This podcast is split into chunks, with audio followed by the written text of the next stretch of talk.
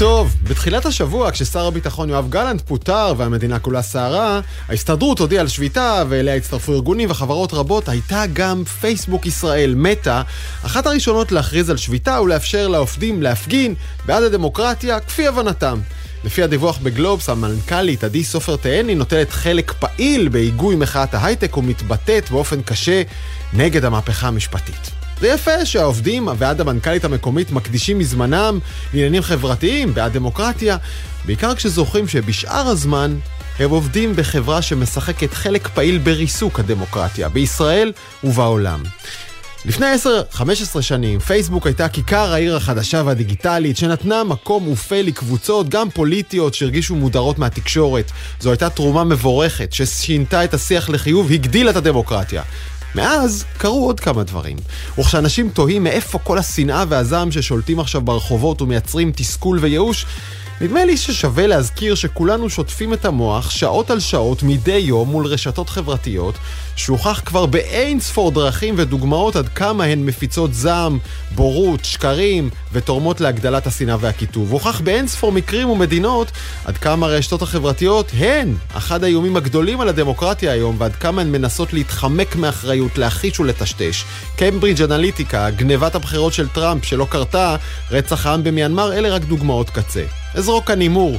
לולא היו הרשתות החברתיות מעודדות ומתפרנסות כל כך טוב מזעם ושקרים ופופוליזם טהור, אז המצב הפוליטי, החברתי והנפשי שלנו במדינה היה אחר, קצת יותר רגוע. המחלוקות היו אותן מחלוקות, אבל השנאה בעיניים הייתה קצת מרוסנת. אולי היה אפילו סיכוי להגיע לאותה הסכמה רחבה. ובלתי מושגת. אז עובדי פייסבוק, מה שווה יום החופש שבו הפגנתם בעד דמוקרטיה, אם למחרת חזרתם לעבודה והמשכתם לעבוד בשיא המרץ והכישרון על החדתה? העתיד עכשיו, אני דרור גלוברמן, מיד ננסה להבין לאן הולכת מחאת ההייטק ביום שאחרי ההשהיה של החקיקה, מה עומד מאחורי הקריאה של אילון מאסק, יובל נוח הררי ועוד אלפי מומחים בעולם להשהות את פיתוח הבינה המלאכותית טרם גם ייגרם לאנושות נזק בלתי הפיך. מה קורה כשפוליטיקה מתנגשת בחדשנות ובמנת הסטייק שלנו? ניפרד מזוג ממציאים ישראלים שעומדים מאחורי ה-PDF והגיף, הקבצים ששינו את העולם ואת החיים שלנו ושמו את ישראל על מפת הטכנולוגיה כבר לפני עשורים. הם הלכו עכשיו לעולמם, בהפרש של חודש. נהיה כמובן עם עין פקוחה ואוזן כרויה להפגנת הימין בתל אביב ונעדכן ככל שנצטרך. עתיד עכשיו, אני דרור גלוברמן, מתחילים. אז החקיקה, המהפכה, הרפורמה, הושהתה. מה קורה למהפכ... למחאת ההייטקיסטים בזמן הזה? איתנו משה רדמן, מיזמי ומובילי מחאת ההייטקיסטים, ערב טוב. ערב טוב. וערב טוב גם לדוקטור ארז מגור, סוציולוג מאוניברסיטה העברית, מומחה לכלכלה פוליטית של תעשיית ההייטק. איתך נגביה העוף קצת במבט על, ה, על מה שאנחנו רואים כאן אה, מולנו. אה, נתחיל אבל איתך, רדמן, אה, לאן זה הולך? כרגע אנחנו ממשיכים במחאה, זה לא נראה, למרות שיושבים לשולחן הדיונים אצל הנשיא, זה לא נראה, אנחנו לא תולים בזה המון תקוות, אנחנו עושים לזה הזדמנות מן הסתם כי אנחנו מחויבים לדמוקרטיה הישראלית לתת הזדמנות, אבל הקולות שיוצאים משם לא נשמעים טובים בינתיים. אוקיי, okay, uh, אתה מכיר את החשש לפח, שמובע לפחות באגפים של המתנגדים לחקיקה? Uh, זהו חול בעיניים, החוק כבר הונח ואפשר לקרוא, אפשר לאשר אותו בהתראה של אפס, uh, וכל זה נועד רק להרדים את המחאה שלכם. אני מסכים, אה, זה חששות לגיטימיים, אנחנו מדינת אה, סף אה, דיקטטורית וזה משהו שקשה לחיות איתו. מצד שני, בסוף אנחנו גם... קשה לנו, יהיה קשה לחיות עם העובדה שלא ניתן הזדמנות. ולכן אנחנו ממשיכים במחאה, יש הפגנות בקפלן וימשיכו הפגנות בכל הארץ. אנחנו רק לא ממשיכים את ההסלמה שהייתה בשבוע האחרון כי אנחנו כן רוצים לתת איזושהי הזדמנות לשיח שקורה כרגע בבית הנשיא. תשמע, אנשים זה לא תוכנה, אתה לא לוחץ על כפתור וזה קופץ. אה, אתה חושב שתצליח, אה, תצליחו אתם, במידה ותרגישו צורך, לשחזר את האינרציה הזאת שהגעתם אליה בשבוע האחרון? תשמע, לא אנחנו יצרנו את האינרציה הזו, אנשים מדם ליבם, מאות אלפים יצאו וזעקו. ולכן אני מאמין שלמרות שיש איזושהי ירידה בהיקף המחאה, בשעת צרה כשאנשים יבינו שעבדו עלינו, אם עבדו עלינו, אני מקווה, אני עדיין אופטימי ואני מקווה שאולי נופתע לטובה, אבל אם עבדו עלינו, אני חושב שאנשים יצאו, כי הם לא עושים טובה לא לי ולא לאף אחד, הם עושים טובה לעצמם ולילדים שלהם, בואו נצור את זה. דוקטור ארז מגור, אתה מומחה לכלכלה פוליטית. אנחנו כבר התרגלנו לשמוע את uh, רדמן ומנהיגים אחרים של מחאת הייטק uh, מובילים פה גדודי מתכנתים uh, נגד, ה, uh, נגד הרפורמה, uh, אבל עד כמה זה בעצם חריג בהסתכלות היסטורית? כן, זו שאלה טובה. אני חושב שמה שראינו בשבועות האחרונים, את המחאה ברחובות, הפגנות, זה דבר יוצא דופן וחדש שלא ראינו בישראל עד היום, אף פעם. אמ, אבל אם אנחנו לוקחים מבט קצת רחב יותר מבחינת הקשר בין תעשיית ההייטק לבין הפוליטיקה, אז שם אנחנו רואים מערכת יחסים ארוכת שנים. אה, ההייטק, תעשיית ההייטק אה, מראשיתה אה, הייתה מעורבת בפוליטיקה, במדיניות. אה, ממש דור המייסדים של ההייטק עוד מראשיתו, אם אנחנו הולכים אחורה עד לשנות ה-80, אה, היה מעורב בשלל חקיקות, בהקמת אה, מוסדות כמו המדען הראשי, בחוקים כמו חוק המו"פ. כלומר, כן, ותמיכות, ש... והקלות במיסים, ולמשוך משקיעים, נכון. ותוכנית יוזמה נכון. מ-93. אבל, אבל אני אשאל אותך, אה, אתה יודע, לא היה אכפת להם, תקן אותי אם אני טועה, אם אה, מדובר במנהיגים מן השמאל ומן הימין. השאלה הייתה כסף ועידוד השקעות, נכון. ומתן תנאים נכון. נוחים נכון. להקמת חברות. נכון, בדיוק, אני חושב שכמו שבדיוק כמו שציירת, די אה, קונצנזוס, כלומר מימין ומשמאל, לא כל כך משנה מי היה בשלטון, המדיניות שהממשלה והממשלות קידמו בהקשר להייטק תמיד uh, טעמה את האינטרסים של תעשיית ההייטק, mm-hmm. וכשהיא לא טעמה בנקודות מסוימות, אז גם התעשייה הזאת ידעה אה, להשפיע, לדחוף יוזמות לשינוי חקיקה, אה, כמו שינויים שעשו בחוק המו"פ בשנות האלפיים, אה, להקל ברגולציות ולעשות מה שצריך כדי כן. לקדם את האינטרסים. אז, אז עד כה ראינו מעורבות עמוקה, לעיתים כולל לוביסטים וכל מה שצריך כדי לקדם את התעשייה, נכון. מה, מה שאנחנו מכירים גם מתעשיות נגיד חקלאות ומלונאות ונהגי מוניות וכולם. נכון, נכון. אז עד כמה חריג מה שאנחנו רואים כאן עכשיו?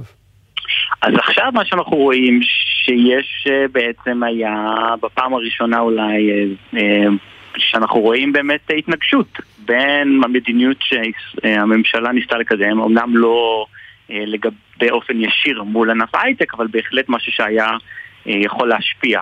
עם פוטנציאל השפעה משמעותית על הסביבה העסקית שבה ההייטק פועל, ולכן מחוסר התאמה באינטרסים כאן ראינו את היציאה למאבק הזה. עכשיו אני אשאל אותך, אני חושב, את שאלת, ה... שאלת המגוז של כל הסיפור הזה. האם כן. הם נלחמים על החיות של התעשייה שלהם? האם הם נלחמים כן. על דמותה של המדינה כפי שהם מבינים אותה, זה לא אותו דבר? או שזו פשוט מלחמה פוליטית, והם נתנו כאן דרור לדעותיהם הפוליטיות, שהם אה, נגד ימין ובעד שמאל, וזה כל הסיפור. כן, אז אני לא חושב שיש פה סוגיות שאפשר להסתכל עליהן כימין ושמאל בצורה אולי פשטנית. אני חושב שכן אבל אה, צריך לעשות פה הפרדה קודם כל אה, בין, אה, שאנחנו אומרים ההייטק, שזה מין מושג אה, רחב מאוד, אפשר לעשות אה, אה, הפרדה די אה, ברורה בין העובדים, האנשים שעובדים בתעשייה הזאת, mm-hmm. אה, לבין, ה, נקרא לזה, המנהלים, יזמים, משקיעים, כן? המגזר גם בפיננסי וגם ביזמים והמנהלים של החברות. אני חושב שהייתה אה, התנגדות ושיתוף פעולה בהתנגדות, אבל המוטיבציות של הקבוצות האלה היא יכולה להיות שונה. אני חושב שהעובדים, הרבה מהם באמת הם התנגדו בצורה, אה, כאילו, כלומר, כי היה פה איזושהי פגיעה בערכים הליברליים אה, שבה הם אה, מאמינים, ואני חושב שהיה פה באמת התנגדות אותנטית של, שהפריעה להם, כלומר שהפריעה ל... לסדר וההיגיון והערכים שבה הם מאמינים. אז כרגע אתה אומר לי דמותה של המדינה, כן. כן, נכון, על הדמותה של המדינה, אני חושב שבסך הכל אנחנו יכולים גם להבין, יש פה גם אינטרסים כמובן, אנחנו יכולים להבין שדמותה של המדינה שהם נלחמו, נלחמים להגן עליה תואמת גם את, ה, גם את האינטרסים שלהם, בסופו של דבר הם, הם אלה שנהנו מהסדר הכלכלי, פוליטי, משפטי שהיה קיים בישראל עד היום. ולכן אני חושב שהם לא רצו לראות אותו משתנה, אבל אני חושב שגם האנשים, מדובר פה בקבוצה, אה, אנשים עם, עם זהות אה, די אה, דומה, אנשים מסתובבים בעולם, הם, יש להם חברים במקומות אחרים, הם לא היו, יש להם כן שיתוף ערכים עם, עם קולגות שלהם, המקבילים כן. שלהם בשאר העולם, ואני חושב שפה הם רצו לשמור על, ה, על הדברים האלה. משהו אולי כאילו, כן. אם אנחנו נעיף מבט ונסתכל על הפירמות ועל על החברות, אני חושב שפה אפשר להסתכל על פה אפשר להיות אולי טיפה יותר ציניים כלפי המוטיבציות של, של החברות ולהסתכל, אני חושב שפה די ברור שגם היה פה הגנה אה, אה, ומאבק על האינטרסים הכלכליים של החברות האלה. עוד רגע נחזור למקום של החברות, כן. אני רוצה לשאול אותך, רדמן, תגיד, יכול להיות שבחשבון ביניים של שלושת החודשים האחרונים, תגלו שעובדי ההייטק יצאו אולי להגן על, ה, על, המד... על דמותה של המדינה ועל חייהם, אבל שילמו על זה אה, אולי אפילו במקום עבודתם, כי אה, אין מה לעשות, גם למחאות ולסדר הגודל שלהן יש השפעה על התדמית הבינלאומית עכשיו של ישראל, וגם אתם עזרתם להרחיק מכאן משקיעים בעצם. כן, אני חושב שזה, אני חושב שזה אגדה אורבנית שצריך רגע לשים לסוף. זה שיזמים כאלה ואחרים אמרו שהם מוציאים כספים, זה כדי להראות את גודל הבעיה.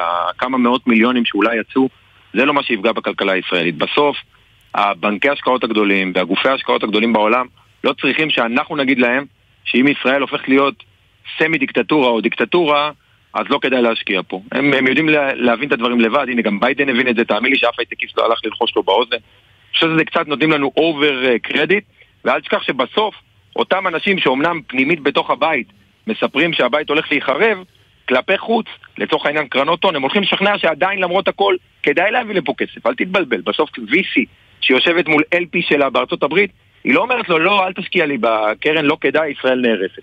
היא מנסה לשכנע אותו, הם היחצנים הכי טובים של ישראל זה בסוף הייטקיסטים. ותגיד, אחד ההישגים, אה, אולי ש, ש...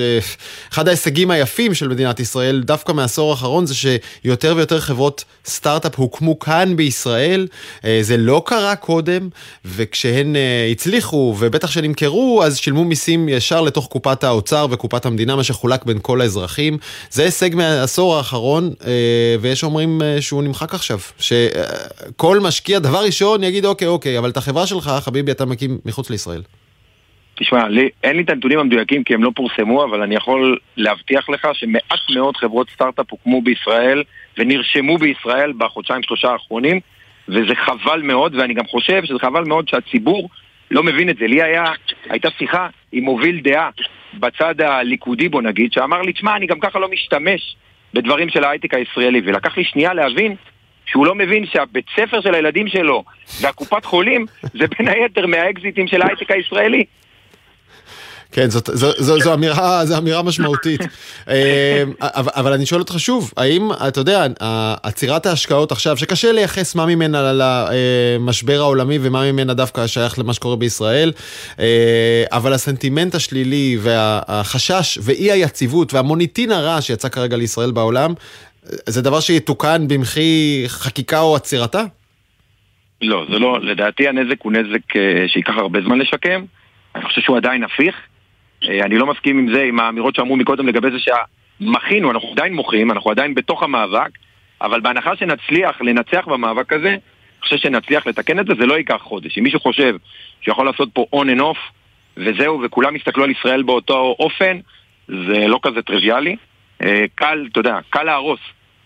אה, ובמקרה הזה אני חושב שחלק מההרס ייקח זמן לשקם. כן. אה, אותה שאלה הולכת אליך, דוקטור ארז מגור, אה, עד כמה בעיניך הנזק שנגרם כעת יהיה מסובך לתיקון כשאנחנו מדברים על אמון מול שווקים בינלאומיים, ותוסיף לזה את העובדה שישראל עכשיו מתנגשת עם ארצות הברית פוליטית, האם גם לזה תהיה השפעה כלכלית על היחסים הכלכליים של ענף ההייטק? כן, אז קודם כל, כן, כחוקר קשה לי לנבא מה יקרה. אמ, אבל אני מסכים עם מה שנאמר פה קודם, שיש פה נזק שלא תמיד קל לתקן אותו. אמ, מצד שני, אנחנו כבר ראינו את תעשיית ההייטק הישראלית אה, צולחת אה, משברים, אמנם לא מהסוג הזה, משברים בעבר אה, הגיעו מבחוץ, כן, 2001, 2008, אמ, אבל ראינו את תעשיית ההייטק יודעת אה, להתמודד איתם. אבל מה שהיה בעבר, והשאלה מה יקרה עכשיו, זה שבדרך כלל שהיו משברים בתעשייה הזאת, אז המדינה היא זאת שבאה אה, לסייע, כן? לדאוג שסטארט-אפים לא ייסגרו, להזרים כסף לתעשייה. איכשהו עכשיו אני לא רואה את זה קורה. אוקיי, אז השאלה היא מה יקרה בשלב הזה, האם... אם ייכנסו למשבר, ויש לנו, כן, תעשיית ההייטק הייתה במשבר עוד לפני אה, כן, המהלכים בחקיקה שנבלמו. השאלה מה יקרה ברמה של התמיכות. עכשיו, גם אותו דבר לגבי ארצות הברית. אה, ארצות הברית, אני חושב שרוב... רוב השיח עכשיו התמקד ב, ביחסים בין ישראל לארצות הברית וה, והצרכים הביטחוניים, הגיאופוליטיים. אבל צריך לזכור שישראל גם תלויה ברמה כזאת או אחרת בארצות הברית אה, כלכלית. ההייטק שלנו, אה, כפי שנאמר קודם, הוא מייצר מוצרים אה, לא לציבור הישראלי, הוא מייצא החוצה, הברית היא השותפת סחר המרכזית של ישראל, mm-hmm. וגם שיתופי פעולה בין פירמות. והשקעות, וכמובן, אנחנו צריכים לשמור איתם נכסים טובים, גם באספקט הזה. דוקטור ארז מגור, מאוניברסיטה העברית, משה רדמן, ממובילי מחאת ההייטקיסטים, תודה לשניכם, ערב טוב. תודה, ערב טוב. תודה רבה, תודה.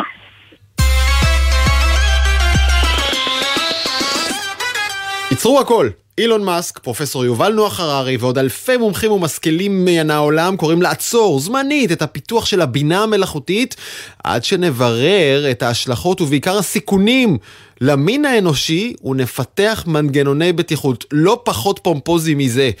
ערב טוב לענבר דולינקו, חוקרת מדיניות וטכנולוגיה. ערב טוב. וגם לדוקטור זיו קציר, מנהל תוכנית הבינה המלאכותית הלאומית ברשות החדשנות. ערב טוב. אה, ענבר, את יודעת, אנשים יש להם בראש את הדימוי של הרובוט הענק שפולש לרחובות ומוחץ אנשים. אה, בואי ניתן לזה צבעים אמיתיים. במה מאיימת עלינו בינה מלאכותית? אה, אז קודם כל, באמת עדיין לא הרובוט, למרות שזה הדימוי הבולט. אבל זה לא אומר שאין פה אתגרים אחרים. אחד הדברים שאנחנו רואים כבר עכשיו זה ההשפעה של השוק התעסוקה, שזה אולי היה נשמע משהו רחוק שיקרה בעתיד, אבל אנחנו רואים איך כל מיני מערכות כמו ChatGPT ודלי שנהיו נורא פופולריים, יוצרים אתגר לכל מיני אומנים שעכשיו לא בטוחים אם האומנות שלהם תשמש לאימון של מודלים שיחליפו אותם ואז אף אחד לא יצטרך את השירותים שלהם. איך כל מיני הוצאות לאור מתקשות לזהות בין כתבי עת שהם מקוריים, אנושיים, לבין משהו תוצר של מכונה. אה, תראי, מה, אנחנו רואים תביעות שעפות מהוליווד, אה, או חששות מהוליווד שכל המקצועות שם בסכנה בגלל בינה מלאכותית. אפשר להוסיף פנימה גם עורכי דין ומהנדסים ואדריכלים, ולהסתכל על הדוח שיצא של אה, גולדמן זקס, שאומר בינה מלאכותית תחליף 300 מיליון עובדים בעולם. 300 מיליון. אף אחד כאן לא חסין. אז זה תעסוקה, עולם אחד של סכנה, מה עוד? יש את הסיפור של הטיה. אה, זה משהו שהוא ידוע גם במודלים יותר אה, מוכרים כבר, אבל זה מתעצם עם המודלים הגדולים עכשיו שאנחנו מתמודדים איתם. אה, שבעצם בינה מלאכותית היא מושפעת מאוד מהדאטה שעליה היא מאומנת. אם הדאטה הזה הוא לא מספיק מאוזן, הוא יכול להביא לתוצאות שהן גם לא מאוזנות. למשל, אם אנחנו במערכת המשפט נרצה להשתמש באלגוריתם שידע להחליט אה, האם לשחרר בערבות אדם כזה או אחר, mm-hmm. והאלגוריתם היה מאומן על דאטה סט לא מספיק מגוון והוא מוטה. אז אנחנו יכולים לראות נגיד בארצות הברית שאולי הוא יגיב אחרת לאדם שחור מאשר לאדם לבן. לדעתי את מדברת על דוגמאות היא... קונקרטיות. אנשים בצבע עור שחור מקבלים מהמערכת האוטומטית אה, אה, הארכת אה, מעצר הרבה יותר בקלות מאשר נכון. אנשים עם צבע עור בהיר, כן. עכשיו יש כאן אתגר של א', האם זה רק כי הדאטה סט הוא באמת לא מספיק מגוון, או בגלל שהוא משקף כאן מציאות שיש בה אפליה במציאות עצמה וזה מורכב לשנות את הבעיה כן. המוסדית שקיימת, mm-hmm. אבל עדיין מערכות את, כאלה את... רק מגבירות את האתגר. אה, עוד סכנה. עוד סכנה. יש לנו את הסוגיה של הסברתיות, או explainability באנגלית. אה, מערכות בינה מלאכותית הן בעצם סוג של קופסה שחורה. אנחנו לא כל כך יודעים להסביר עד הסוף איך הן עובדות, בגלל זה הן עובדות יותר טוב מבני אדם בדברים מסוימים. אבל עכשיו כשאנחנו ננסה להשתמש במכונות האלה בהקשר ביטחוני למשל, או אפילו ברפואה, בכל מקום שיש לנו בעצם חיי אדם שיהיו מעורבים בתוצאות. וקצת, יש פה אתגר, איך אני יכולה לסמוך על תהליך קבלת ההחלטות. וכמה בעצם יש משמעות לפיקוח של בן אדם שיאשר או ידחה את ההחלטה של המכונה אם הוא לא באמת מבין איך היא עובדת. כן, אז וכאן נתת רק שלוש דוגמאות, יש עוד הרבה, נגיד שימוש במערכות נכון. בינה מלאכותית במערכות אכיפת חוק, כשאתה לא יכול להסביר לבן אדם למה עצרו אותו, וזה קורה אגב עכשיו בישראל, אתה לא יכול להסביר לבן אדם למה המערכת החליטה לעצור אותו, אז יש לנו בעיה מול בית המשפט ומול uh, הגדרות החוק, ובאמת, זו רשימה uh, קצרה. Uh, אז את, אני לא יודע אם פנו אלייך, אבל היית חותמת על המכתב הזה של אילון מאסק והררי וכולי? אה, לא פנו אליי, אני לא יודעת אם אני נחשבת בשבילם בשלב הזה עד כדי כך, עוד אבל... שנה, שנתיים את שם. אה, אבל לא, היית לא חותמת? את מצטרפת לאזהרה הזאת? לא, לא היית חותמת, למה? אני מעריכה מאוד את מה שהם עושים, אני חושבת שיש כאן גם אם אולי אפשר לבקר במידה מסוימת את המכתב אה, על הניסוחים שבו, ואולי יש כאלה שיבואו שיטענו שהוא גם נגוע בכל מיני אינטרסים, mm-hmm. בגלל שבסופו של דבר יש כאן חברות שאולי רוצות אה, למצב את עצמן במקום טוב יותר במרוץ חימוש הזה שהן מפגרות בו מאחור. אבל אני פשוט מרגישה שהוא לא מספיק. אה, והוא לא הפתרון בפני עצמו, וגם באמת מאוד קשה לי להאמין שמכתב כזה יצליח לרתום אה, גם אוקיי, שותפות על... ללוות ב... אז תכף נדבר על השלכות פרקטיות, אבל ממתין על הקו אה, זיו קציר, מנהל בבטח. תוכנית הבינה המלאכותית של, ברשות החדשנות של מדינת ישראל. ותקן אותי אם אני טועה, זיו, אבל הרציונל לתפקיד שלך בעצם אומר, הבינה המלאכותית זה האנרגיה החדשה של העולם, זה מהפכת המחשוב החדשה. זה כל כך חשוב שמדינה צריכה לתפוס את זה בידיים ולדאוג שהיא גם תוביל בזה. נכון? זה, זה העבודה שלך.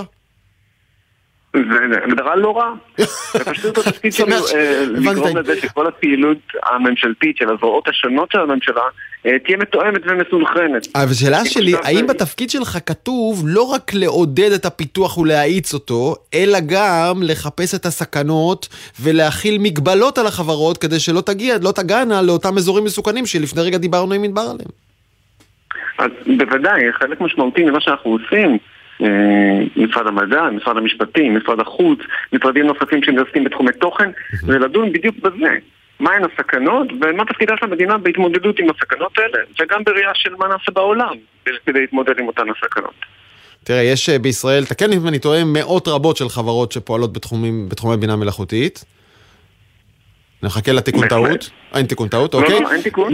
אה, למרות שהיום כל אחד אומר לעצמו שהוא בינה מלאכותית, נכון? כאילו, ראיתי בינה מלאכותית עוברת ליד, יאללה, גם אנחנו חברה של בינה מלאכותית, למרות שאנחנו מייצרים uh, מטטים ואיים. Uh, כולם עוסקים בבינה מלאכותית, האם יש כבר איזשהן מגבלות מטעם המדינה?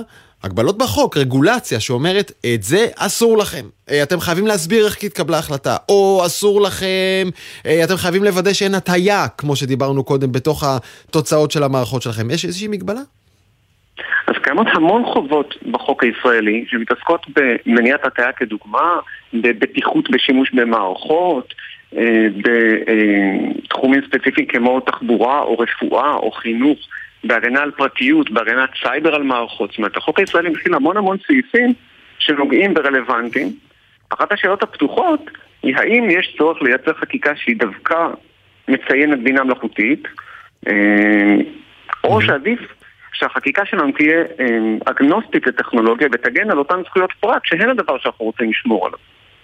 אוקיי, okay. אה, uh, כלומר האם המכתב הזה בעצם uh, הוא קורא, הוא מעניין אותך כממשלה? המכתב הזה מעניין אותי כאדם וכאזרח. Uh, כממשלה זה קריאה, זה התפרצות לדלת פתוחה, זאת אומרת אנחנו מעורבים בעשייה הזאת וגם בפורומים בינלאומיים שונים כבר שנה ויותר. אוקיי. Okay. אני חושב שהחשיבות של המסמך הזה היא דווקא אה, ברמה האזרחית. זה מעלה לתודעה דיון שהתחבא עד היום בכל מיני פורומים אה, אפורים, מעונבים של אה, משפטנים ודיפלומטים, ומציג בשפה פשוטה אה, דילמות אמיתיות. כן, אה, אתה יודע מה, הדילמה שאיתה התחלנו, התחלנו את שיחתנו, היא אולי נוגעת ממש לכל מאזינה ומאזין. אה, אם הדבר הזה בא והולך לקחת לי את העבודה, אה, או לאיים עליי, או לזרז את החלפתי בעובד אחר שיודע להשתמש בבינה מלאכותית, אם, אתה יודע, אם דרמה כזאת מגיעה לחופי התעסוקה של מדינת ישראל בעוד שישה חודשים, 12 חודשים, או כבר עכשיו, יכול להיות שזה גם תפקיד שלכם בממשלה. תנו לאזרחים כלים, למדו אותם להשתמש בבינה מלאכותית כדי שהם יהיו על הסוס ולא יידרסו תחתיו. אז אני חייב להגיד שמבין החששות שעולים, דווקא הנושא הזה של אה, אבטלה המונית, זה חלק שנראה לי אמ, פחות מטריד. כלומר, אנחנו נמצאים בסיטואציה שבה יש מהפכות טכנולוגיות בקצב יותר ויותר מהיר משנה לשנה או מעשור לעשור. ובכל מהפכה כזאת קורה הדבר הבא, חלק מהמקצועות הקיימים הם אולי נהיים מיותרים. מקצועות חדשים נולדים. ואוסף גדול ואחר של מקצועות משתנה, משתנה האופן, משתנה הצורה שבה אנחנו... כן. אה, אבל אתה יודע, אם זה קורה פתאום נורא נורא מהר, אז אנחנו נכנסים לבעיה חברתית ותעסוקתית וכלכלית.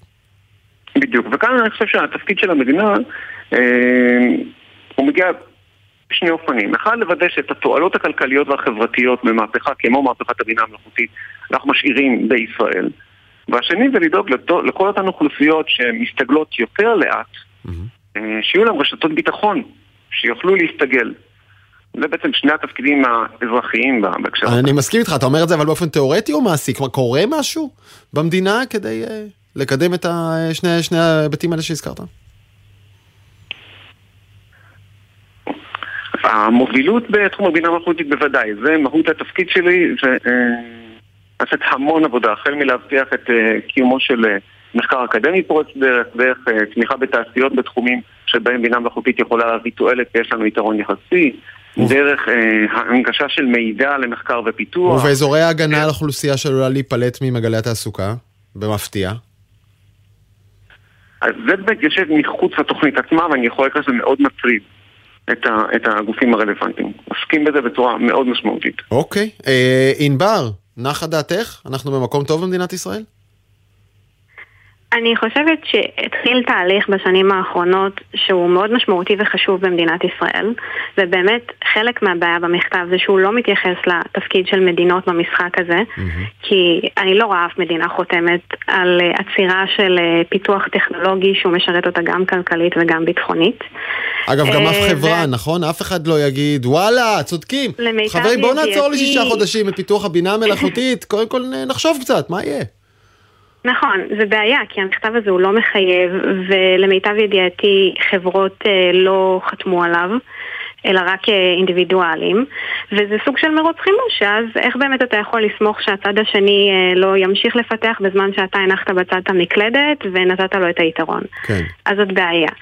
אני כן חושבת שהעניין הוא שזה גם אתגר גלובלי. ישראל יכולה להיות נהדרת בתחום והמתקדמת ביותר בתחום והכי אתית שאפשר, ועדיין בדיוק בהקשר הזה, אם מדינות אחרות יתחילו לפעול בכיוונים שונים, זה קצת מקשה ומכופף את היד שלה ומחייב אותה לבחור בכיוונים אחרים. כן. זה, זה אתגר מאוד מאוד קשה. טוב, אני בטוח שאתם uh, תצטרפו אליי שניכם בקריאה לכל המאזינים והמאזינות. Uh, עד שכל עסק הזה יתארגן, לכו תלמדו בעצמכם את הבינה המלאכותית שרלוונטית למקצוע שלכם, היא קיימת, היא עכשיו כבר בחוץ, והמתחרה שלכם לומד אותה ברגע זה. אז זו גם החובה הפרטית שלכם.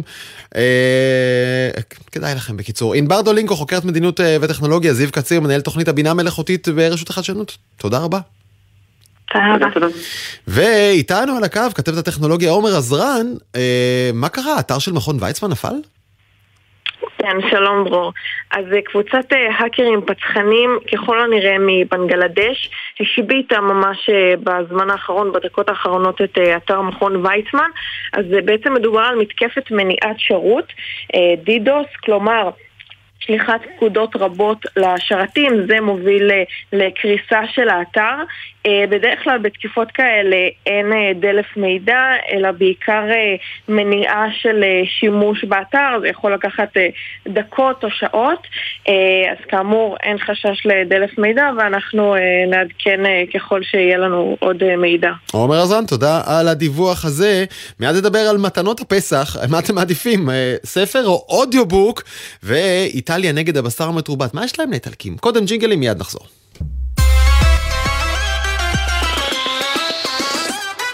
העתיד עכשיו, אז מה תעדיפו לקבל לחג הפסח? סט אה, סירים מהודר או קופונים דיגיטליים? ספרים באריזה או מנוי ל audiobooks, ספרים מוקלטים. גם המתנות עוברות דיגיטציה, והאם אנחנו צועדים לקראת מותן של המתנות המוחשיות? כתבתו של אורי קספרי.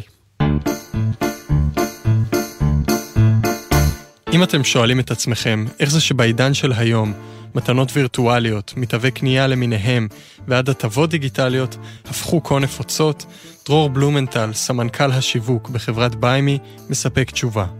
לדעתו, מתנות החג פשוט מותאמות לממד שבו אנחנו נמצאים רוב היום, הדיגיטלי. אנחנו עושים הכל במובייל, אנחנו משלמים, אנחנו מזמינים, אנחנו uh, צורכים תוכן בכל מיני סוגים, אני שולח לך מתנה, אני מקליט לך הודעה, אני מצלם לך סרטון וידאו, אתה מקבל את המתנה, צוחק ומתרגש, הטכנולוגיות uh, הגיעו לשם והחיים שלנו נמצאים בדיגיטל. למרות זאת, לפי סקר שניהלה השנה חברת ועדים, המרכזת את הפעילות הכלכלית של ועדי העובדים בישראל, רוב העובדים עדיין מקבלים מתנות מוחשיות, ורק במקום השלישי, המתנות הדיגיטליות.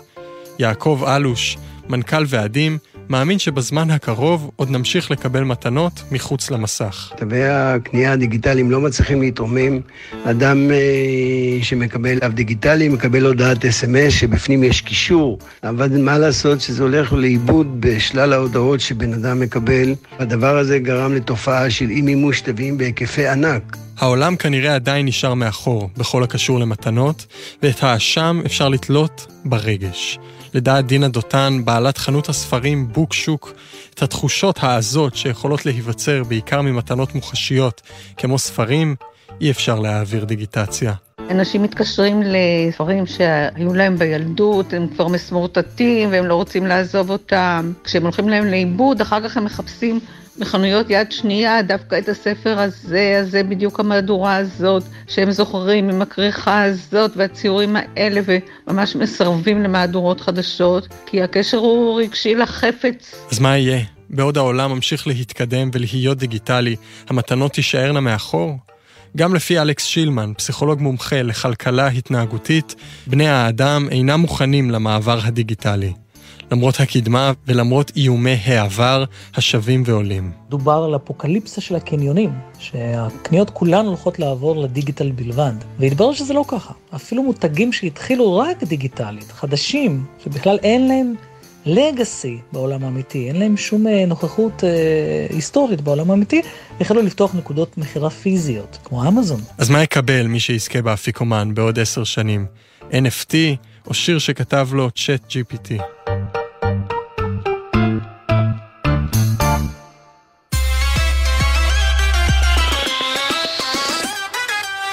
טכנולוגיה ופוליטיקה מתנגשות לא רק כאן אצלנו, גם באיטליה, שאוסרת עכשיו על שימוש ומכירה של בשר מתורבת. שר החקלאות והשמירה על ריבונות המזון, פרנצ'סקו לולו בריגידה, אומר שהוא רוצה להבטיח את האיכות, הרווחה והגנה על התרבות והמסורת האיטלקיים. איתנו רונית ורד, כתבת האוכל למוסף הארץ, ערב טוב. ערב טוב. ויונתן אה, ברגר, מנכ"ל חממת הפודטק The Kitchen של קבוצת שטראוס, ערב טוב גם לך. אהלן דרור. רונית, מה בפוטנ... בפוטנציאל החדשני גורם לאיטלקים להיזעק כל כך להגן על האוכל שלהם? קודם כל האיטלקים הם באמת אה, אחת האומות השמרניות בעולם בלי קשר אפילו לממשלה הנוכחית בכל מה שקשור לאוכל. אה, איפשהו השמירה על מסורת של אוכל, גם באיטליה, גם בצרפת, אה, אפילו בשנים שבהם זה עומד להם לרועץ ונדמה שהם נשארים מאחור, הם רוצים לשמר את האוכל המאוד מסורתי שלהם. Mm-hmm. אוכל הוא אחד האמצעים הנוחים ביותר במובן מסוים אה, אה, לבטא את התרבות ואת הזהות שלך. הוא מתקשר לזהות קהילתית ומשפחתית ולאומית. זה אחד הדברים שלכולנו יש רגשות מאוד חזקים כלפיו. אנחנו מכירים אותו מבטן אימנו, זה הדבר הראשון שאנחנו מכירים כשאנחנו באים לעולם. ועבור הרבה אנשים, על אחת כמה וכמה איטלקים וגם צרפתים במובן מסוים, אה, אה, הוא באמת מסמל איזשהו קשר למורשת. וזה, תגידי, זה אה, אומר, עוד לפני שהגענו לבשר המתורבת, שהם כן. נוהגים לדחות מבחינה, לדחות מבחינה קולינרית גם חידושי מטבח אחרים, לא ייקחו תנור חדש, לא ישתמשו במיקרוגל, לא מחבת חדשה מאיזה טפלון, לא יודע מה. במובן מסוים כן, באיטליה יש הקפדה מאוד גדולה בשמירה על טכניקות מסורתיות ועל חומרי גלע מסורתיים ולהשאיר את המטבח כמות שהוא אה, לפני הרבה שנים. אה, יש פה הרבה פרדוקסים כמובן. אה, ברגע שאתה לא מוכן, אתה רוצה להישאר בדלת אמותיך, מצד אחד יש פה הרבה... שקשורים לערכים שכולנו רוצים לשמור עליהם בשנים האחרונות במיוחד. Mm-hmm. שכולנו מבינים שעולם האוכל הקפיטליסטי והחקלאות התעשייתית האינטנסיבית הלכה מאוד רחוק. אנחנו רוצים כן לשמור נאמנות לחקלאים קטנים, יצרנים קטנים, לקהילה מקומית, ומצד שני, אחד הדברים הכי יפים באוכל מאז ומעולם זה שהוא תמיד נדד, תמיד לא היו לו גבולות מדיניים כמו שאנחנו מבינים אותו. כן, הם מוכנים להגן על האוכל שהוא חלק בלתי אה, אה, נפרד מהמורשת והזהות התרבותית. ואת יודעת, בא לי, בא לי, בא לי לשלוח אה, אצבע כן. לעפף כן. התחתון ולמשוך למטה. אה, אין לי ספק שמסעדות עילית שומרות על הטכניקות והכל, אבל מה, כשאני הולך לפיאצה בוונציה, איפה שכל התיירים שם, אז הפיצה לא יוצאת ממיקרו. לא, א' יוצאת, ב', דרך אגב, בשנים האחרונות יוצאת כמו גדולה, וגם העגבניות הן לא אותן עגבניות, אתה יודע, גם אם יש אוצרות, וגם, דרך אגב, בשנים האחרונות באמת, הם עכשיו מנסים קצת לתקן ולהשיג את הפערים, אבל בתחום מסעדות היוקרן בהחלט נשארו מאחור. בעוד ספרד הולכת עם המהפכה של גסטרונומיה מולקולרית, ואחר כך אה, אה, סקנדינביה ודנמרק וכל המדינות האלה משאירות אותם הרחק מאחור. כן. האיטלקים נשארים מאוד נאמנים למסורת המקומית בכל מיני מחירים. אבל זה חלק מהערכים, זה חלק מהשמרנות להגיד לך שזה טוב או לא טוב.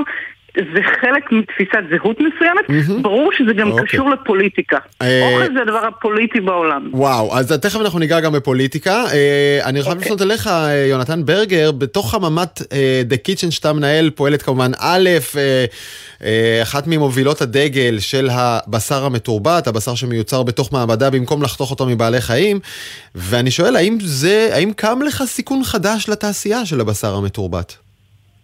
להפך, דרור. למה? אה, אני מאוד, כי אני מאוד שמחתי לראות את זה, כי, כי המשמעות של הידיעה מאיטליה זה שבעצם אנחנו מתקרבים אל השוק. זאת אומרת, אם עד לא מזמן זה נראה איזשהו משהו טקי, ותמיד בכל הסרטונים רואים עובדים וחלוקים לבנים במעבדה, פתאום זה כבר דיון ש, שמדבר על זה בזווית צרכנית.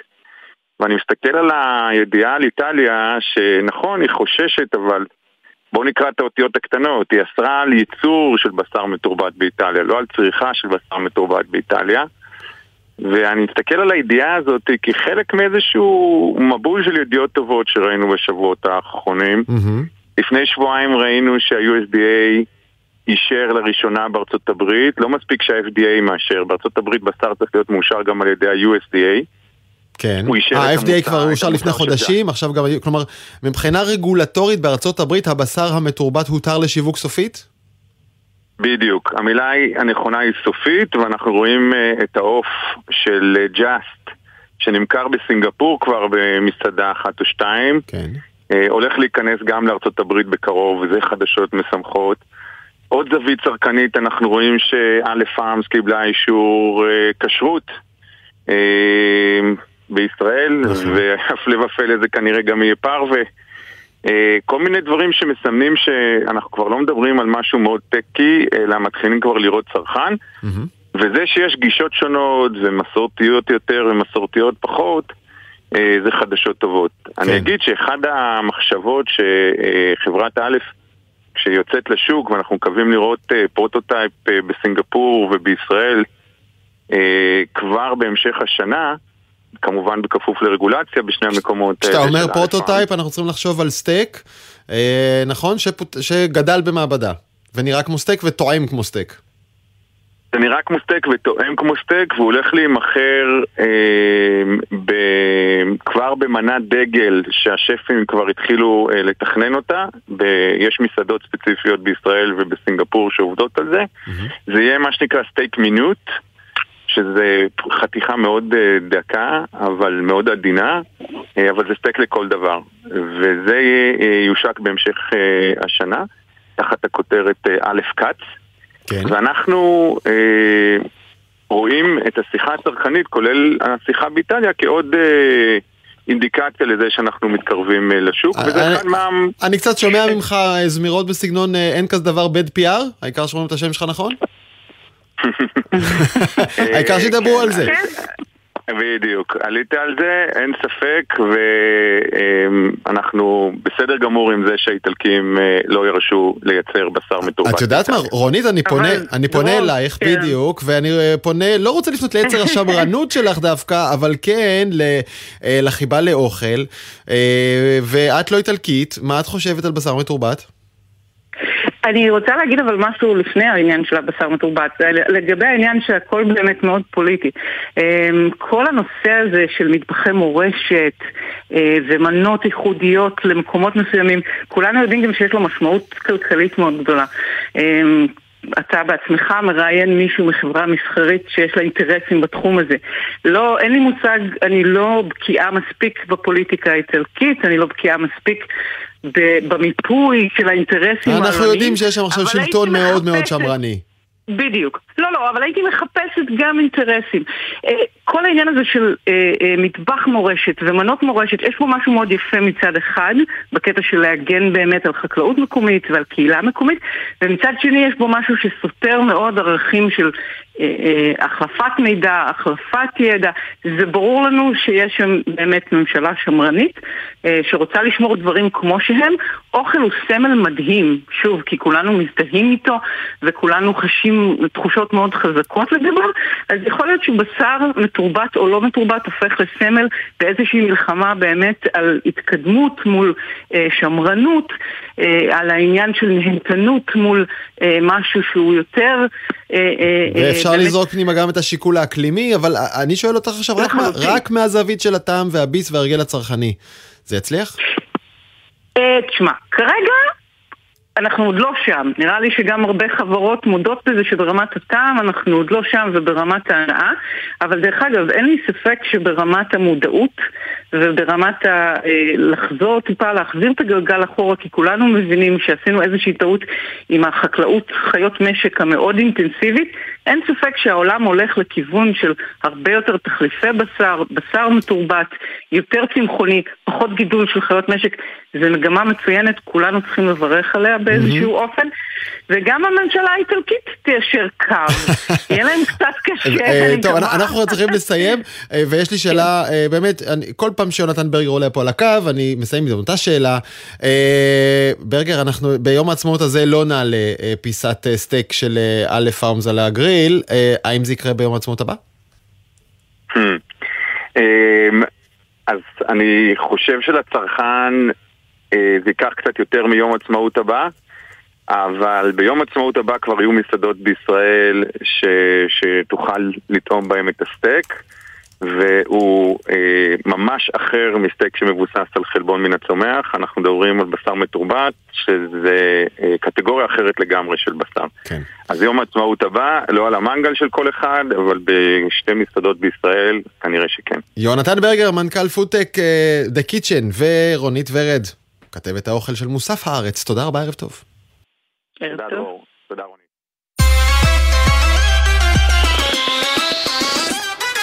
השיחה הבאה אנחנו רוצים להקדיש לפרופסור יעקב זיו, זכרו לברכה, שהלך בימים האחרונים לעולמו, חודש אחרי מותו של שותפו למחקר פרופסור אברהם למפל. הם אחראים לאחת מפריצות הדרך הכי דרמטיות בעולם המחשוב כל כולו, שנגעה בכל אחד מהמאזינות ומהמאזינים אה, שאיתנו עכשיו. אם אתם יודעים מה זה זיפ, או יודעים מה זה גיף, הם קשורים לזה. אני רוצה להגיד ערב טוב לפרופסור נרי מרחב והפקולטה להנדסת חשמל ומחשבים בטכניון. ערב טוב לך ולמאזינים. בוא נתחיל דווקא בליל הסדר שיבוא אלינו לטובה בשבוע הבא. בסוף ליל הסדר כבר כולם רוצים להתחיל לקצר ולחתוך דרכים. מחכים לנו שם חד גדיא ואחד מי יודע. איך אפשר לקצר אותם? עם, ה... עם הפיתוח של יעקב זיו ואברהם למפל.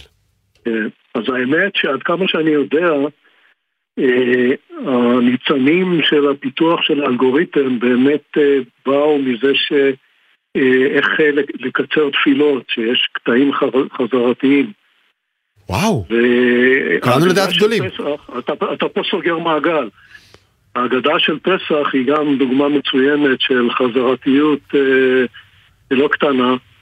אה, אחד מי יודע, אה, די יינו, חד גדיא, נכון. לא חסר דוגמאות. וזה באמת התמצית של הרעיון שמאחורי אלגוריתם אה, למפל זיו, שהרעיון הוא שבכל רגע ורגע אתה מנסה לתפוס קטע של אינפורמציה, אה, מין אה, מחרוזת כזאת של תווים, שהיא כבר הופיעה, כמה שיותר ארוכה, שכבר הופיעה בעבר, בחלקים הקודמים שכבר mm-hmm. והמפענח בצד השני כבר פענח, אז יש לו גישה אליהם. ואז כל הרעיון הוא שכשאתה מוצא קטע כזה, אתה רק במקום לשדר אותו as is, אתה פשוט אה, אה, משדר את המיקום שלו, כל... כמה צריך לזוז אחורה בתוך הקובץ. כלומר, אה, כלומר כשאני שר לי אה, אחד מי יודע, והגעתי לשישה סדרי משנה בפעם הראשונה, אני אומר שישה סדרי משנה, אבל אני לא אומר חמישה חומשי תורה, כי כבר אמרתי את זה קודם. מה אני אומר במקום? כן? אז אתה רק אומר אה, אה, איפה, אה, מאיפה צריך להעתיק. או אוקיי. כמה צריך לזוז אחורה כדי להעתיק איזשהו קטע. חמישה משפטים אחורה, קח משם. כן. ואז, זה- ואז שוב חמישה משפטים אחורה, כי שם מחכה לי ארבע אמהות. הרעיון הגאוני פה שזה הרבה הרבה יותר קצר מאשר כל שיטה אחרת. וככה נולד בעצם הקובץ זיפ. אבל זה לא רק זיפ, נכון? פגשנו אחר כך את לא, הדחיסה לא, הזאת זה בעוד המון מקומות. זה- זה הרבה תוכנות דחיסה, זה גיף וטיף ו-PNG וזיפ, ואלגוריתם למפל זיפ גם תומך אה, בקבצי PDF, והוא תומך אה, בפורמט של וידאו, MP3. וואו. אה, you- you name it. והטלפון הסלולרי שלך גם כן בנוי. אנחנו כולנו משתמשים בלמפל זיו יום-יום, שעה-שעה, בלי שאנחנו אפילו מודעים לזה. אה, בכל רגע נתון. עד היום, מתי פותח האלגוריתם הזה? בשנות ה-70, 76, 77. ואז אני מניח שזו הייתה פריצת דרך פנומנלית, נכון? עוד אה, אה, נכון. לא היו אה, כל כך הרבה מתכנתים ולא היה כל כך הרבה שימוש במחשבים, אה, ואתה הכרת את שני... את שני אה, הממציאים, גם את פרופסור יעקב זיו נכון. וגם את פרופסור אברהם למפל. אה, נכון. תגיד, בשביל להיות ממציא בסדר גודל שמשנה עולם, אה, אתה רואה את זה על הבן אדם? זוהי באמת אישיות חד פעמית? זה אישיות נדירה. אה, ובאמת, אה, היפה בכל הסיפור הזה, זה שהם הם אה, פיתחו את האלגוריתם הזה, ההתחלה של העבודה שלהם, בכלל הם לא, הם לא קיוו לפתח אלגוריתם דחיסה כל כך פרקטי. הם עבדו על בעיה מעניינת שנקראת אה, חקירה של סיבוכיות של סדרות, מהמם. עד כמה סדרות. לא, אבל אני שואל, אני שואל אבל על, על, על האנשים עצמם, היות שיש לנו עוד, עוד לא הרבה זמן, אה, כן. אה, יצא לך לעבוד איתם, ללמוד מהם. נכון, כן. אז אה, כן, תראה, את הגאוניות של... אני הייתי הרבה יותר קרוב אה, לפרופסור זיו, הייתי סטודנט שלו לדוקטורט. אה, גם, גם עם אברהם למפל עבדתי, אבל בשלב הרבה יותר מאוחר ובצורה אחרת. אתה רואה את הגאוניות שלו הלכה למעשה. זאת אומרת, אני מרגיש בר מזל שיצא לי לעבוד עם גאון. שהוא לא רק גאון, אלא גם בן אדם נחמד ונעים הליכות. אה, ונזכיר שהיה... הצירוף של שני הדברים האלה אה, הוא נדיר, כל אחד מהם נכון. הוא נדיר. ביחד נדירים כפליים. נזכיר שהוא היה נשיא האקדמיה הלאומית הישראלית וזכה פעמיים בפרס ביטחון ישראל אה, וגם בפרס ישראל אה, פרופסור יעקב זיו שהלך אה, לעולמו. פרופסור נרי מרחב מהטכניון, אני רוצה להודות לך, ערב טוב. ערב טוב.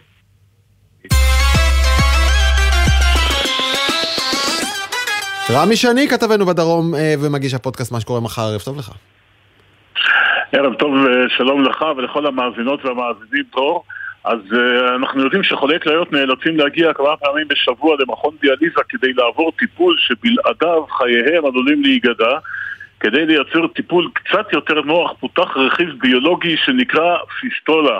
הרכיב הזה מוכנס לתוך היד או לתוך המקום שלשם מחברים את הדיאליזה, הוא עשוי מחלקי וריד ועורק של המטופל, ואליו מחדירים את אה, מ- אה, מחטי המכשיר. לפיסטולה הזאת יש שתי תכונות, אחת טובה, זה הנוחות של החדרת המחט, והשנייה רעה. הגוף גורם לה להצהרה ולסתימה, והסתימה הזאת נוצרת מקרישי דם. סוג של אה, גבשושיות מסוכנות ביותר. בעצם זה יוצר מקרה חירום כי החולה חייב לקבל את הטיפול וצריך לעשות התערבות כירורגית כדי לפתוח את הפיסטולה. דוקטור גל גושן מחברת פטנסי פיתח עם הצוות שלו אמצעי לזהות את הסתימה הזאת כשהיא עוד קטנה ולחסל כך את שאיפות ההתפשטות שלה. בואו נשמע אותו.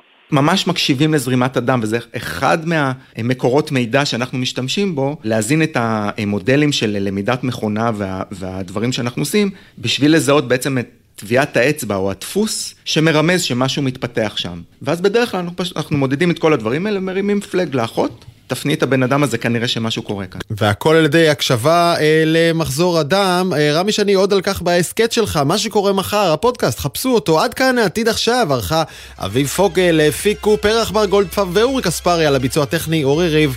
אני דרור גלוברמן, אתם, אתם מוזמנים לשמוע אותנו מתי ואיך שבא לכם. חפשו העתיד עכשיו ב Spotify, ב Apple Podcast, כל אלה, אנחנו שם. אני זמין להערות ולהצעות בדרור גלוברמן בטוויטר או באינסטגרם. שיהיה לכם ערב שקט ורגוע.